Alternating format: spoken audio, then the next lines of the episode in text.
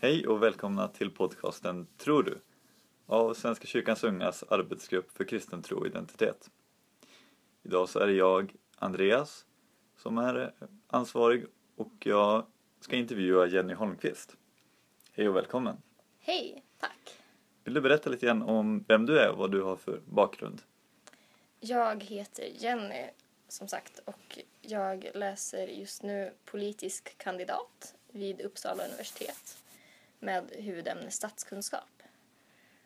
Från början så kommer jag från Göteborgs stift och har varit aktiv i Stensjöns lokalavdelning och suttit i DS i perioder och så. Just. Eh, ja, jag har med bjudit in dig idag för att, att tala om, för du var volontär i Scottish Episcopal Church förra hösten. Mm. Och då är jag lite nyfiken på lite olika saker. Men om du börjar med att berätta hur det kommer sig att, att du kom dit ens Så, sådär. Jo, men det hela började med att jag, jag visste inte vad jag ville göra efter studenten. Och Svenska kyrkans unga har ju haft volontäråret i Svenska kyrkan. Men sen så försvann det ett tag. Men Göteborgs distrikt fortsatte med något som heter Ung vuxen. Vilket går ut på att man är en, liksom ett år i en församling och hjälper till där. Och det tyckte jag lät väldigt roligt. Men det är ännu roligare om man får göra det utomlands. Så att vänstift, ett av vänstiften till Göteborg är Glasgow Galloway. Så jag hörde av mig dit och frågade om jag fick komma dit. Och så hittade personen som är ansvarig för de internationella kontakterna där en församling som ville ta emot mig ett tag. Och så åkte jag dit och bodde där i ett halvår, ungefär samma tid, fast förra året. När åkte du dit och, och hur länge var du där? Jag åkte dit i slutet på augusti 2014 och kom hem januari 2015. Och vart var det mer exakt du åkte? Jag åkte till liksom, sydvästra delen av Skottland. Det är en stad som heter Dumfries på ungefär 30 000 invånare. Ganska närmre England än vad det är liksom, högländerna i Skottland egentligen. Just. Och vad, vad fick du göra där? Vad var meningen med att du var volontär? Vad fick du för uppgifter och sådär? Meningen var ju att jag skulle få prova på hur det var att jobba i kyrkan eftersom jag själv inte hade bestämt mig om jag ville bli präst eller om jag ville inrikta mig på politik. Så att det var väldigt mycket ett axplock av att vara kyrka. Så det var ju framförallt så var det mycket gudstjänstförberedelser, var med och leda gudstjänster och det var mycket samtalsgrupper. Vi hade en grupp som hette Cake and Questions som gick ut på att man satt och åt kakor och diskuterade teologisk litteratur varje torsdag. Och sen så var det, vi gjorde hembesök och for hem till äldre människor eller till äldreboenden. Och sen så självklart både barn och ungdomsverksamhet och en del administrativa grejer. Mm. Jag tänkte fråga lite grann om hur församlingen såg ut och, och församlingsplats i staden. Men om vi börjar med Scottish Episcopal Church. Vad är det för typ av kyrka och vad, hur kommer det sig att det är vänstift till Svenska kyrkans eh, då, stift mm. Göteborg? Göteborgs stift. Scottish Episcopal Church är en anglikansk kyrka precis som Church of England eller Church of Wales. Och det är en av de, liksom, en av de två större kyrkorna i Skottland. Den andra är Scottish Church of Scotland heter den. Och... Vad skiljer de åt? Vad... Ja, så den här Scottish Episcopal Church är ganska mycket lik Svenska kyrkan i sin uppbyggnad. Man har biskopar, man har stift och sen har man präster under biskoparna och så är de, man har kyrkoråd på ungefär samma sätt. Mm. Så det är mm. hyfsat likt ja, Svenska kyrkan? precis.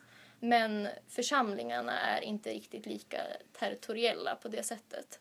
Eller det är, fram, det är framförallt att det finns två väldigt stora kyrkor som konkurrerar om personer. Så den andra är då Church of Scotland? Church of Scotland, okay. precis. Och hur skiljer de sig från de är, de, de är ganska lika Missionskyrkan i Sverige.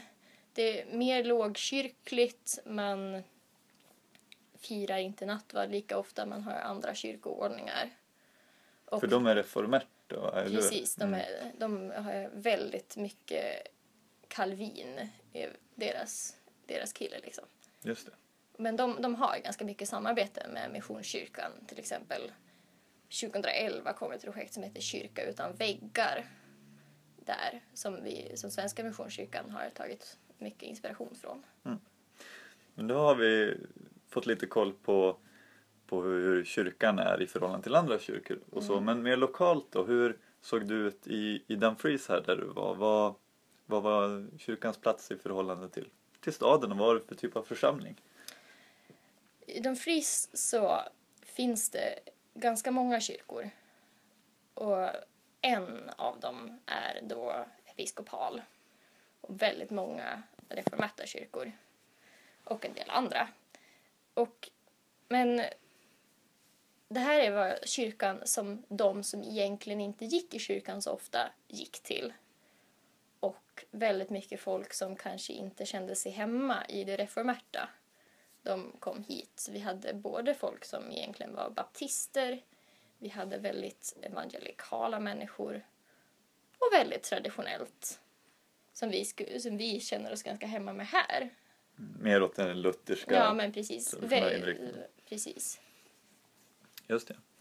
Och sen så, värt att nämna är att tidigare fanns det en en metodistkyrka i Dumfries. Men de var väldigt få. Men, så då kom de fram till en lokal överenskommelse. Så Scottish Episcopal Church och Metodistkyrkan i Skottland har alltså ett lokalt samarbete. Så att två gånger per år hade de i St. John's, som min kyrka hette, metodistgudstjänster. Mm. Just det. Det är intressant att eh, bilden skiljer sig lite grann från svenska kyrkan och Sverige. Här har vi ju frikyrkor men för oss i Svenska kyrkan kanske vi inte på samma sätt alltid märker, märker av närheten. Men det verkar som att det fanns en, en annan relation och ganska många kyrkor i den här staden ändå. Då. Så, stämmer det? Ja, jo, absolut. Det är också det att vi fick ju komma ut i skolorna till exempel. Vi gjorde, vi hade liksom, Mm, vilka vilka var ni och vad gjorde ni för någonting? Vi var då alltså representanter från de olika kyrkorna i staden. Så det var jag och han som, min värdfar som jag bodde hos. Vi var ute och hade liksom morgonsamlingar i flera kyrkor. Det är ju jätteintressant om man jämför med, med Sverige. Ja, precis. Här skulle man ju inte, har man inte den, den synsättet att man Mm. skickar representanter från religiösa samfund till, Nej. till skolorna. Men var det här bara i Dumfries eller? Nej. I, I Skottland har ju ett eget skolsystem som är skilt från resten av Storbritannien. För alla länder här har olika eh, skolsystem. Mm. Och i Skottland har man någonting som heter Curriculum of Excellence som handlar just om att man ska få liksom pr- prata om religion, man ska få prata om existentiella frågor i skolan. Och en del i det här är att man tar in folk från trossamfund som får prata med barnen. Vad var det ni pratade om då? Alltså hur nära var det? Hur tydligt var det ett kristet budskap och vad var det för Eh, utformning på det? Väldigt olika. Det som jag hade hand om, vi pratade mycket om självkänsla, vi pratade om hur det var att vara ung och vad man kunde få för hjälp och försökte poängtera att du är inte ensam, det finns hjälp att få. Men vi tog det liksom inte längre än så. Det Men- ingen ren kristendomsundervisning? Nej, Så, men de, det fanns en kyrka som heter River of Life som eh, närmar sig det här väldigt evangelikala, väldigt mycket Hillsong-influenser har de där. Och det var ju ren predikan från många av dem. Så att från barnens synpunkt så tänker jag att de fick väl se väldigt mycket. Vad tycker du om själva systemet? Att man har bestämt att det ska finnas eh, det här idén om att det kommer företrädare från religiösa samfund och, och talar. Vad tycker du om det? Tycker du att det är bra eller tycker du att det är bättre som var i Sverige? Alltså, jag tycker att det är svårt. För vi pratar om små barn. De yngsta jag hade att göra med var fyra år. Och jag vet inte hur kritiskt man kan förhålla sig till någon som kommer och pratar väldigt ingående. Och jag tror att det kan bli farligt om man gör det för mycket. Samtidigt som jag tror att det är fel att stänga ute helt. Så att någon sorts gyllene snittet är väl bra. Var det bara kristna samfund eller var det företrädare från andra religiösa samfund också? eller? Tanken är att det ska vara från andra religiösa samfund också. Men i Dumfries, som är en mindre ort på landet, så fanns det inga andra samfund. Just det. Alltså var det bara kristna samfund där. Det kan ju också bli en snedfördelning lite grann. Ja. om man säger så. Just. Eh, vad mer hade du för uppgifter som, som var mer kopplade till eh, unga och, och deras relation med kristen tro och som kanske ser lite annorlunda ut här i, än här i Sverige? Var det någonting som stod ut? Alltså, huvudgrejen vi gjorde, det var ju att vi hade som en samling innan, för de, de hade en ungdomskör i kyrkan. Och innan den så hade vi som en ungdomsgrupp varannan vecka. Och sen så fanns det ju, sen så hade de ju söndagsskola. Då fanns det både söndagsskola för små barn, vi använde konceptet med Godly Play. Och om man inte vet vad det är så är det att man i princip så är det att man liksom berättar bibelberättelser med hjälp av figurer. Är som en liten dockteater nästan. Ja, vad? precis. Mm. Det blev Fokus mer är- populärt ja. här i Sverige också. precis. Fokusen ligger liksom på berättelsen. Så tanken är att man inte ska blanda in sig själv utan bara berätta det som, som egentligen lära sig en historia utan till. Mm. Och sen så hade man liksom lite mer djupgående saker för de som var äldre. Just. Hur, för du spenderade då en del tid med ungdomar och unga kan jag tänka mig. Ja. Och såg du någon, det är ju från din upplevelse, men någon skillnad i hur man hanterade sin kristna identitet eller hur man såg på sig själv som kristen jämfört med din upplevelse från, från Sverige från din hemförsamling och sådär?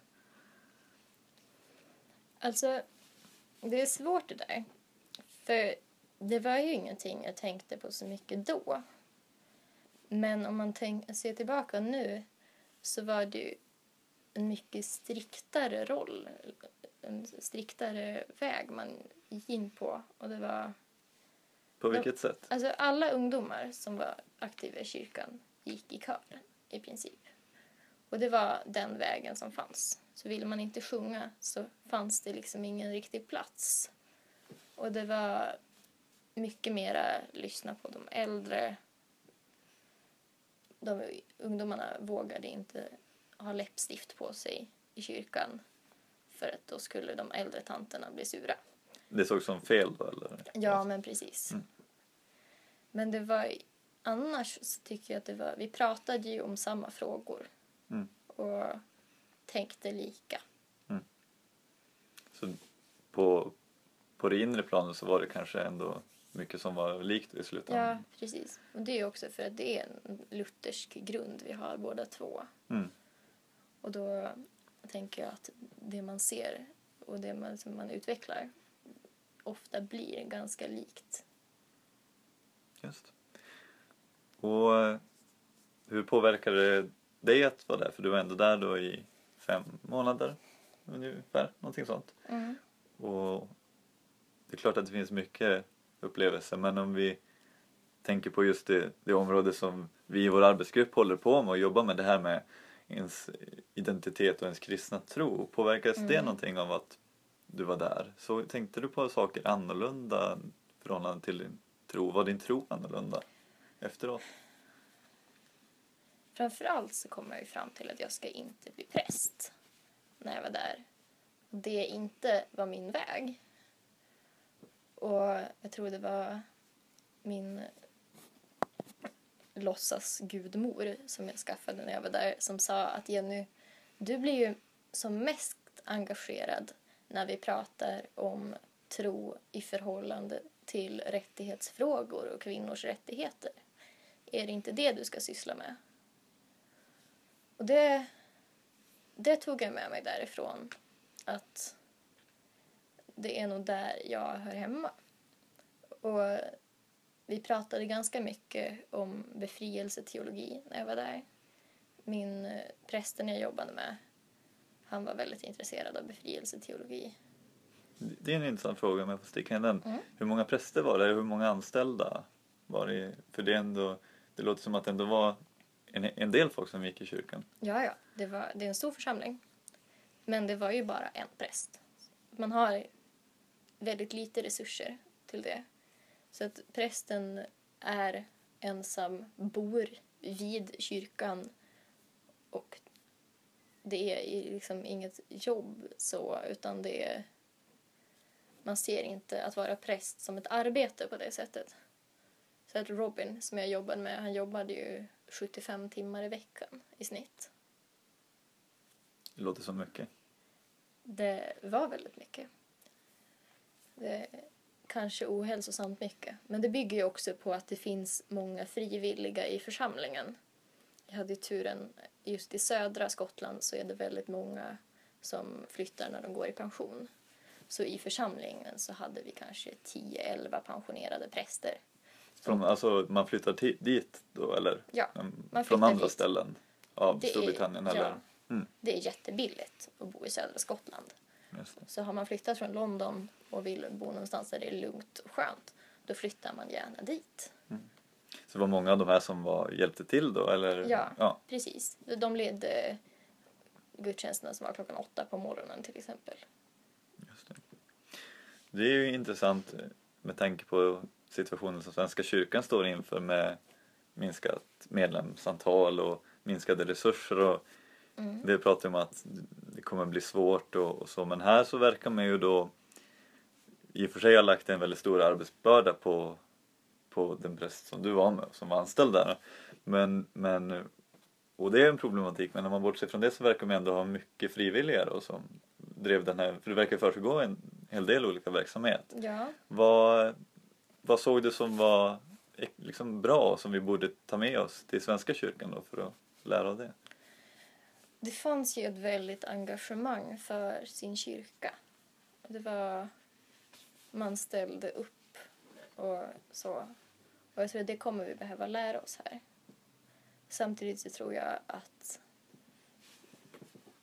man skulle kunna visa dem som är ideella mer uppskattning än vad man gjorde där och vad man kanske gör i Svenska kyrkan idag. För att det är ett hästjobb de gör. Mm. Det är ju, vi hade för tur i vår församling. Vi hade en präst ganska ofta som kunde leda gudstjänst. Åker man ut mot kusten så var det, det är tre församlingar som delar på en präst. Så då har de en, ledd, en gudstjänst som inte är lekmannaledd kanske en gång i månaden. Så det är alltså då präst en gång i månaden? Precis. Mm. Och annars är det någon så... Men man vill väldigt ofta ha nattvard så hade de, då har de sparat bröd och vin från en tidigare gudstjänst där en präst var med. Och så är det någon som är frivillig som läser bönerna och så, och så delar man ut det där. Just det. Men eh, Svenska kyrkan har man ju ofta problemet är lite grann att eh, hur man ska hantera ideella grupper och så. Hur lyckades man med det här? Alltså hur, vem hade hand, var det prästen då som hade hand om de olika grupperna eller? Ja. Prästen skrev väldigt många scheman. Så det var ganska mycket, en del, hel del administration då? Ja, precis. Vi hade en städgrupp. Vi hade en grupp som tvättade alla, allt, alla liksom, men altardukar. Mm. Alla kyrkotextilier? Ja men precis. I alla fall det som används vid altaret och Ja, liknande? precis. Så prästernas kläder Mm. och så. Vi hade folk som bara gjorde detta. Vi hade de som bar ljus. Så man hade liksom grupper för allt. Och det måste nog vara ganska tydliga gränser för vad som är ens uppgift Mm. om man ska ha mer ideella. För att annars så kommer det vara någon som gör allt. Just. Och det, det är farligt. För då blir folk väldigt trötta till slut. Eh, En, en eh, av de sista frågorna nu. Vad, vad var likt, det har du sagt lite grann om att det mycket verkar man ta, ha samma liknande teologiska tankar. Mm. Men vad var likt och och vad var olikt och, och gärna mer inriktat på, på just biten om tro och sådär. För vi pratade Mm. lite om att man, man hade andra praktiska förhållanden och så här. Men, men om man tänker mer på teologi och på tron och på hur folk Mm. förhöll sig till tron. Vad, vad var likt och vad var olikt där jämfört med här i Svenska kyrkan? Det är, svår, det är också svårt. För att det här var en av väldigt få församlingar i, där. Så att alla var ju med. Alla som identifierade sig som episkopala kom till den här kyrkan. Från Vilket- stort område? Ja, väldigt stort område. Vilket betyder att vi hade både de väldigt, som var väldigt lutherska, ganska konservativt lutherska i sin tro och som tyckte om gamla traditionella gudstjänstordningar och så. Och så hade vi de väldigt, väldigt, väldigt eh, evangelikala. Vi hade en som ville byta ut orgel mot hill, Hillsong. Och jag kom ju dit både samtidigt som folkomröstningen om självständighet men också samtidigt som man i Scottish Episcopal Church började, diskutera, började diskutera samkönade äktenskap. Och det vart ju en väldigt stor fråga för må- många i sin tro. För det är, det är inte, man viger inte samkönade eller? Nej, inte idag. Utan man har börjat inleda en diskussion med alla medlemmar man bjuder in till samtal om det här.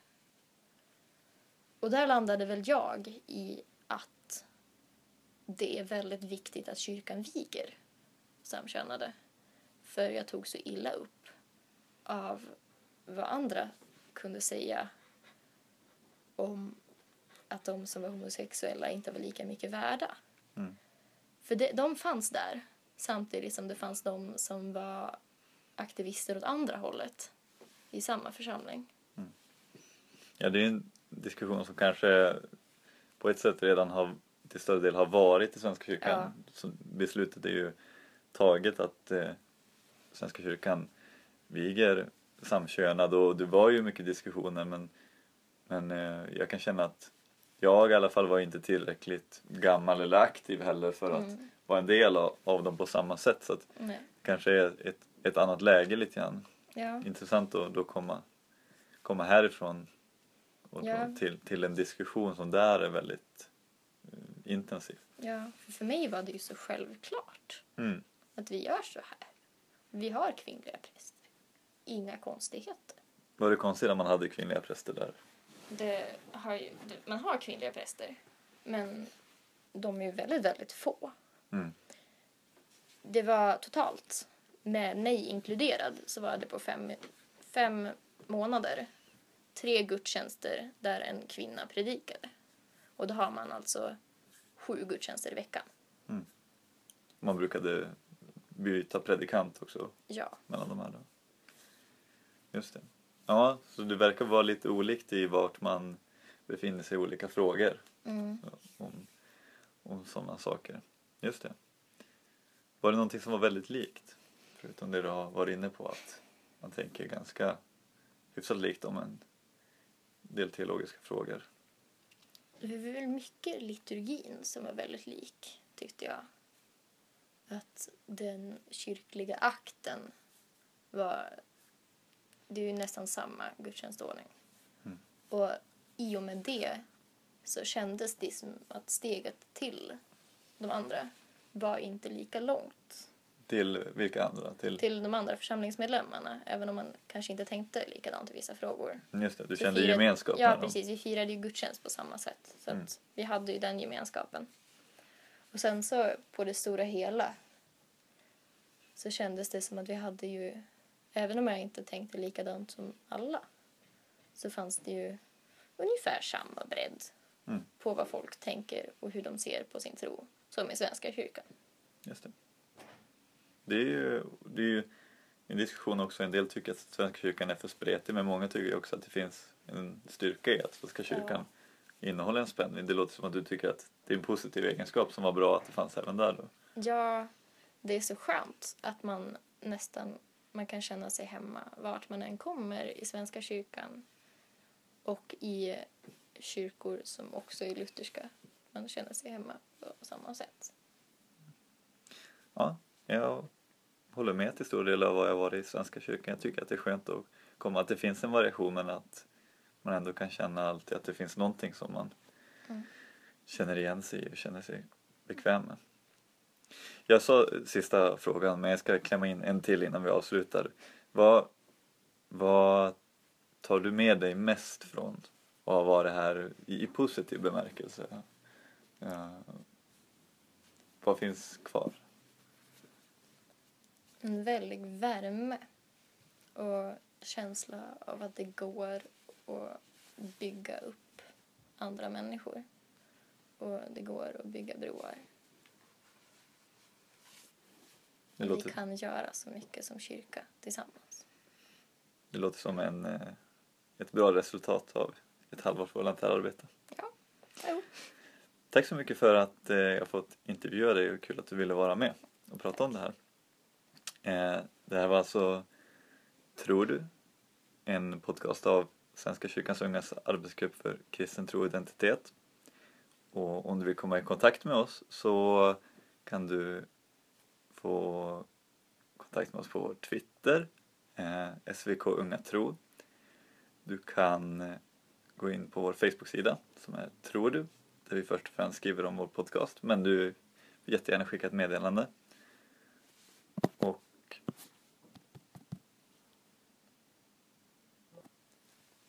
Och du kan även mejla oss om du vill på tro svenskakyrkansunga.se Det var allt för oss den här gången. Tack så mycket för att du lyssnade, så hörs vi snart igen. Hej då! Hej då!